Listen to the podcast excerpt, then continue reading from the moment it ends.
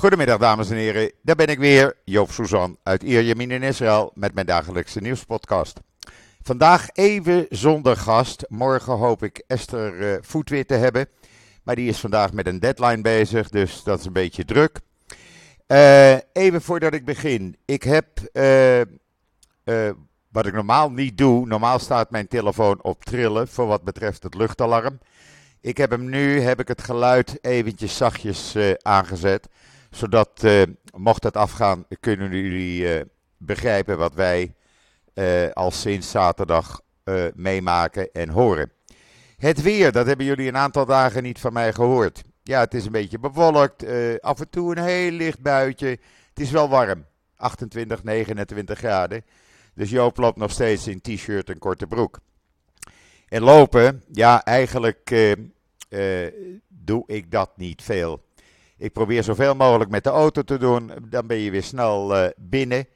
Uh, vanmorgen even nog wat gehamsterd. Uh, ben vroeg gegaan en nou, het lukte me eindelijk mijn vermicelli te krijgen. Ben naar de groenteboer geweest, aardappelen ingeslagen, vlees, kip ingeslagen bij de slager. ja, wat spullen gehaald, extra brood ingevroren. Uh, want je weet het maar niet wat er de komende uren, dagen staat te gebeuren. Hoe, hoe is het leven dan, wordt er mij gevraagd. Nou, het leven is zeer ongewoon. Uh, ik heb dat al een paar keer vermeld, dat ook mijn, uh, mijn grote vriend Mickey is totaal van slag. Hij mist zijn loopje, hij mist zijn ontspanning, maar het is nu eenmaal niet anders. Hij weet ermee om te gaan gelukkig en past zich aardig aan.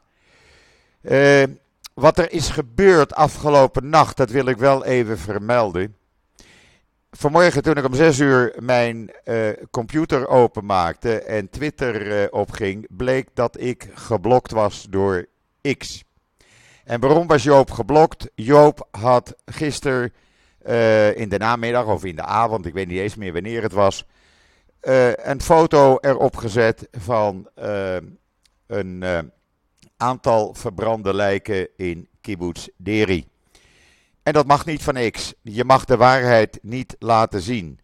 Pas als ik dit eraf zou halen, de tweet zou verwijderen, mocht ik weer op Twitter. Dat heb ik dan maar gedaan. Eh, ik heb dat ook van anderen inmiddels begrepen. Er schijnt een enorme censuur te zijn bij X en andere sociale media. Wat betreft uh, de vreedheden van Hamas. Want dat die vreedheden zijn gepleegd, ik ga ze zo dadelijk uh, met jullie doornemen. Die zijn echt gepleegd en worden nog steeds gepleegd. Ik heb mijn ramen openstaan, mijn deuren. Jullie horen waarschijnlijk de straaljagers, helikopters overgaan. Die gaan op weg naar het noorden. Daar is uh, vanmorgen zijn daar een aantal mortierbeschietingen geweest vanuit Zuid-Libanon en uh, Syrië. men reageert daarop. En uh, ja, gaat uh, terugslaan of slaat terug. Er is net een luchtalarm geweest in Noord-Israël, 10 minuten geleden. Uh, daar wordt nu op gereageerd. ik weet niet wie dat was, of dat Hezbollah is of Islamic Jihad. Ik denk dat het Palestijnse terreurgroepen zijn.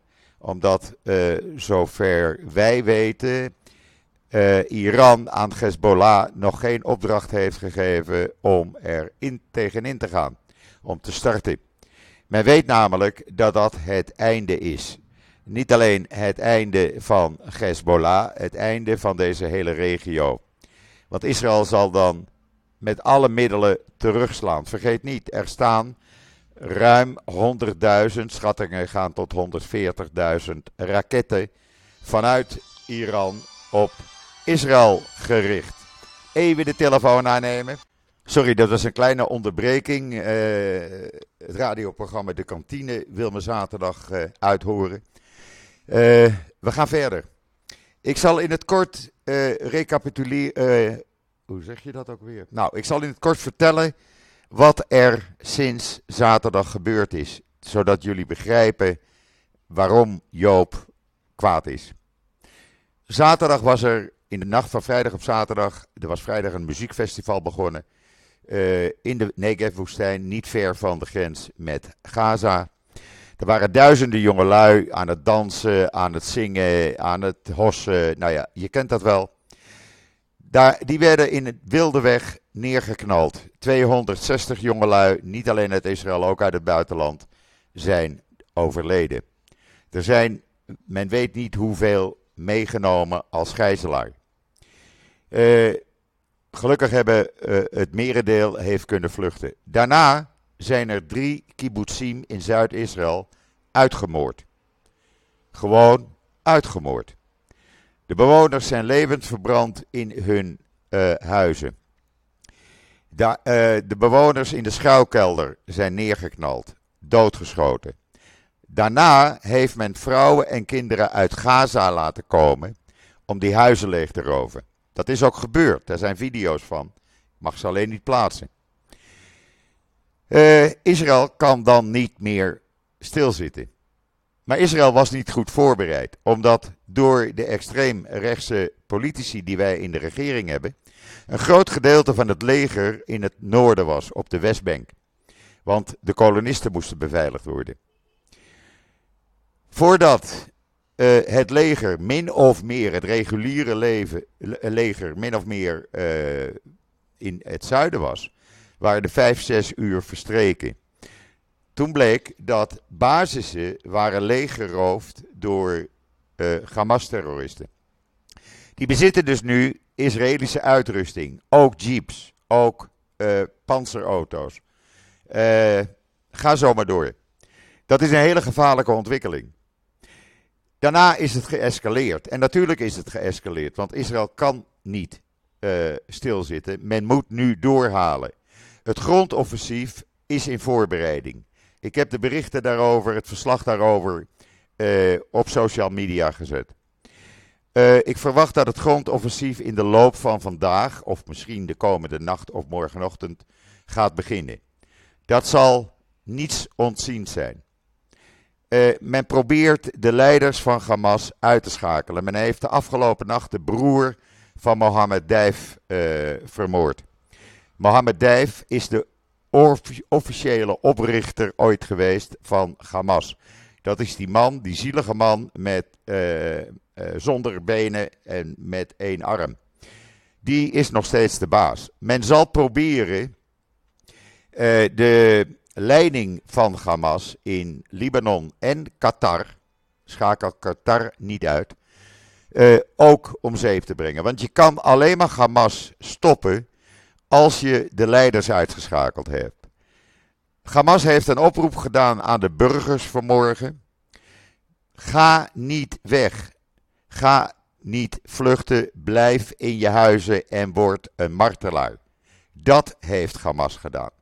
En als dan Nederlandse politici, praten, zoals Partij van de Dieren en uh, GroenLinks en weet ik van waar ze allemaal vandaan komen. Over deescaleren en Israël moet zich inhouden en Israël moet waarschuwen. Nee, Israël waarschuwt niet meer. Uh, dat kan ook niet meer. Want we kunnen niet van tevoren uh, tegen mensen van Hamas gebouwen. Want Hamas brengt zijn terroristen en uh, installaties onder in flatgebouwen waar gewone burgers wonen. Men kan die niet meer waarschuwen. Israël heeft opgeroepen, een aantal keren al uh, de laatste tijd, uh, maandag al, gisteren al. Mensen uit Gaza, ga weg. Blijf niet achter. Er zijn er ruim 100.000 inmiddels naar Egypte gegaan, want die grens is open. Als je weer vluchten, kan je weg. Je hoeft niet achter te blijven. Uh, dat mag niet goed gepraat worden. Het is opvallend dat de Palestijnen op de Westbank zich inhouden op dit moment. Er is wel een probleem voor de Palestijnen op de Westbank, want de meesten zijn hun baan kwijt. Er werken zo'n 130.000 Palestijnen dagelijks in Israël. Maar ja, daar wordt even niet gewerkt op dit moment. Daarnaast, en dat blijf ik benadrukken, de werkte, werkte tot en met zaterdag 18.500 Gazanen, Palestijnen uit Gaza, in Israël, in fabrieken, op het land, uh, in de bouw, noem maar op. Die verdienden hun goede geld hier. Die kunnen hun gezinnen van alles en nog wat voorzien. Die zijn hun baan kwijt. Voorlopig zullen die, ook als er weer uh, rust is, zullen die niet aan het werk komen. Want Israël kan geen uh, risico nemen. Dat heeft Hamas zijn eigen bevolking aangedaan. Dat moet je niet vergeten. Het is niet zo dat uh, Hamas vrede wil. Hamas wil helemaal geen vrede. Hamas wil zoveel mogelijk Joden doden. Nogmaals, de video's van de uitspraken kan je zien bij Memory. Ik heb ze ook online gezet. 2017 werden door Hamas-leiders al uitspraken gedaan van we moeten zoveel mogelijk inwoners van dat Joodse land vermoorden. Die moeten we naar de andere wereld brengen. Dat is wat er op dit moment wordt gedaan. En als ik dan vanmorgen bij WNL Goedemorgen Nederland de waarheid wil vertellen, dan wordt er opeens gezegd: sorry, maar we hebben geen tijd meer. En werd mijn spreektijd ingekort. Wat wilde Joop vertellen? Joop wilde vertellen niet alleen over de hele families die levend verbrand zijn in hun huizen, vader, moeder, kinderen. Joop wilde vertellen over de 40 baby's die ze hebben gevonden, die op dit moment begraven worden. Baby's waarvan bij enige tientallen de hoofden waren afgehakt. Ze hebben vanmorgen het lijk gevonden van een zwangere vrouw, 30 jaar oud, vermoord, haar buik opengesneden, de baby aan de navelstreng ernaast. Dat mocht ik niet vertellen en vertel ik nu. Ze hebben invalide mensen van dik in de 80, ik heb dat wel op Twitter gezet, hebben ze als gijzelaar meegenomen naar Gaza. Die mensen hebben dringend hun medicijnen nodig. Niemand weet of ze nog leven. Een meisje zit op de Facebookpagina van haar oma te kijken gistermiddag. En ziet live het verslag dat haar oma wordt vermoord. Dat zijn de vreedheden die goed gepraat worden door politieke partijen, door bekende Nederlanders, door politici in Nederland. En niet alleen in Nederland, echt niet. Maar dat is de realiteit. En als ik met mijn hondje nu door de straten loop, en ik heb dat even gedaan, ik ben even iets langer gaan lopen, dat beest moet ook even uh, zijn ontspanning hebben, zie ik opeens overal aanplakbiljetten van doden. En dat zijn dan dode militairen en dode uh, politieagenten. Die zie ik, ik heb er een stuk of zes, zeven hier in mijn buurt alleen al gezien. Er zijn in totaal tot nu toe 170 uh, eh, militairen en politieagenten gesneuveld. Er zijn in totaal 1200, ruim 1200 mensen tot nu toe gesneuveld. Het merendeel dus burgers. Dat kan niet doorgaan. Het kan niet zo zijn. Joop is naar de supermarkt geweest, opnieuw, want ik wilde toch nog wat meer inslaan. En ik wilde mijn vermicelli hebben, want ik ga mijn kippensoep maken vandaag. Maar het kan toch niet zo zijn dat de supermarkten half leeg zijn. Het kan toch niet zo zijn dat er niet meer voldoende uh, voedsel in Israël wordt geproduceerd, omdat er 360.000, ja je hoort het goed, 360.000 Israëli's, mannen en vrouwen, zijn opgeroepen voor de militaire dienst. Er zijn duizenden Israëli's uit het buitenland onderweg uh, met speciale El toestellen om te vechten. Er stond vanmorgen, ik, hoorde, ik heb dat bericht gezien, ik zal het nog even vertellen. Er stond vanmorgen, of gisteravond dan, op New York Airport, Kennedy Airport heet dat geloof ik, stond een orthodoxe uh, uh, Jood, een ultra-orthodoxe Jood. En die zei tegen iedereen, hij vroeg aan iedereen, wat ga je doen in Israël? Als het was vechten, betaalde hij de ticket. Hij heeft in totaal 250 tickets betaald voor deze jongelui. Dat is iets bijzonders, dat is iets fantastisch. Dat doet Israël. Er werd mij net gevraagd van Joop, wil jij niet terug? Ben je niet bang? Ja, natuurlijk ben ik bang. Maar ik ga niet terug. Want ik vind het mijn taak om Israël te helpen met het verspreiden van de realiteit, van het echte nieuws. Het echte nieuws wat er is. En ja, ik realiseer me dat als uh, Hezbollah zo dadelijk zijn raketten op Israël gaat afschieten, dan zou dit wel eens de allerlaatste podcast kunnen zijn die Joop maakt. Want dan wordt Israël weggevaagd. Dat moet je je realiseren waar we in zitten. Dit is wat er aan de hand is. Als 140.000 raketten op Israël worden afgevuurd, dan is die hele regio weg. Want Israël zal dan zijn allerlaatste middelen inzetten. Maar dan zijn er al duizenden, tienduizenden huizen, appartementen, gebouwen, noem maar op, plat gebombardeerd. Er hebben gisteren weer luchtaanvallen bijvoorbeeld op Tel Aviv plaatsgevonden vanuit Gaza. Ik heb gisteren de inslagen gehoord een paar kilometer bij mij vandaan. En dat zijn geen prettige geluiden. Die doffe booms. Dat is heel wat anders als het geluid van vuurwerk, want daar kan je nog van genieten. Maar Joop, die zo'n enorme F1-fan is, heeft bewust afgelopen weekend niet gekeken naar zijn fan Max Verstappen. Want daar ben ik fan van. Want Joop kon het niet aan om in uh, televisie te kijken waar een programma kwam uit Qatar. Qatar, wat zo pontificaal achter de terreurorganisatie staat. Qatar, die de terreurorganisaties mede helpt financieren. Daar gaat Joop niet naar kijken. Echt niet. Daar ben ik heel consequent in. Ja, ik ben boos. Ja, ik ben geïrriteerd. En jullie horen aan mijn stem dat het niet dezelfde stem is. Maar ik kan het niet anders maken. Ik slaap een paar uur. Als ik wil eten, ik krijg het amper door mijn strot. Maar ik forceer mezelf om te eten, want je hebt geen trek. Als je met je hondje naar buiten gaat, ben je blij als je weer binnen bent. Bij de veilige, veilige ruimte.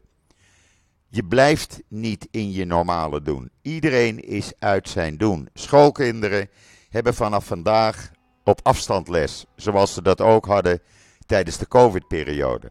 Dat betekent, daar zijn ze mee begonnen, dat betekent dat deze oorlog nog wel eens heel lang kan voortduren.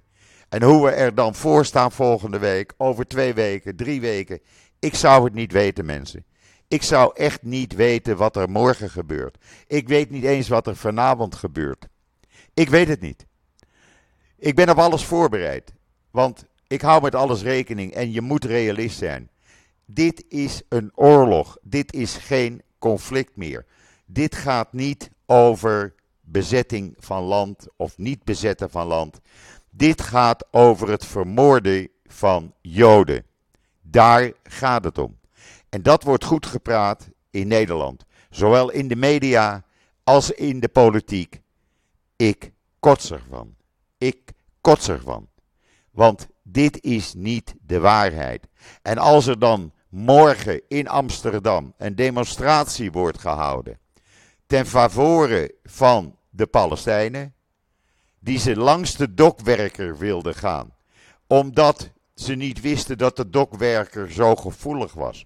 Hou op zich, als je in Nederland woont, dan moet je minstens weten waar de dokwerker voor staat. Ik ben daar geboren, tegenover de dokwerker, in het hartje van wat vroeger, voor de oorlog, de oude Jodenbuurt was. En daar wou men gaan demonstreren voor de Palestijnen.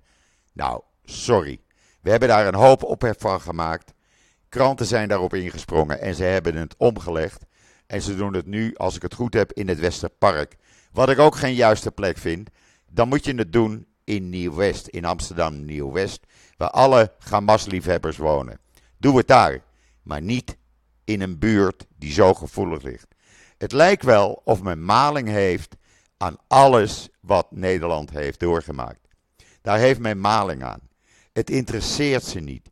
Ze doen waar ze zin in hebben. En dat is precies wat er hier in Israël gebeurt bij de Palestijnen. Ik zou een voorbeeld geven hoe het wel kan. Er zijn honderden Bedouinen op dit moment in het leger.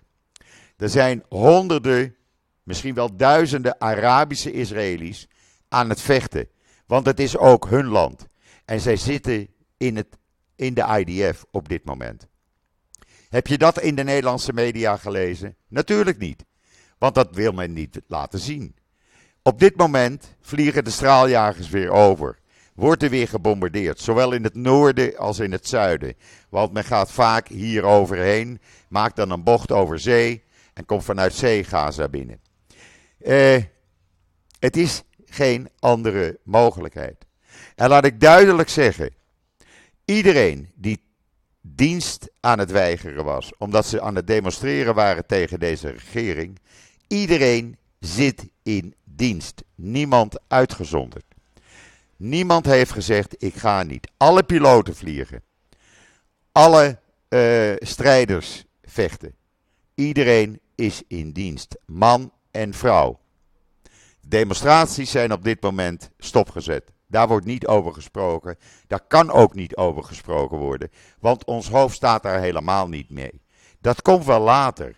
Laten we eerst zorgen dat we hier levend uitkomen, mensen. Laten we eerst zorgen dat Joop er morgen nog is. Dat mijn buren er morgen nog zijn. Dat mijn vrienden er morgen nog zijn. We hebben nu inmiddels een soort WhatsApp-groep van Nederlanders, zowel in Nederland als in Israël. Gewoon om elkaar op de hoogte te houden. Dan weet je dat, dat je nog leeft. De eerste vraag die vanmorgen op, wat, op die groep werd gezet: Is iedereen oké? Zijn jullie er nog? Zo leef je. Ik stuur een paar keer per dag naar de kinderen van mijn overleden meisje een appje, of zij sturen het naar mij. Is iedereen oké? Dan hoef je alleen maar te zeggen ja, met een hartje of een kus. Dat is het enige wat je, wat je wil zien. Dan weet je dat het nog goed is.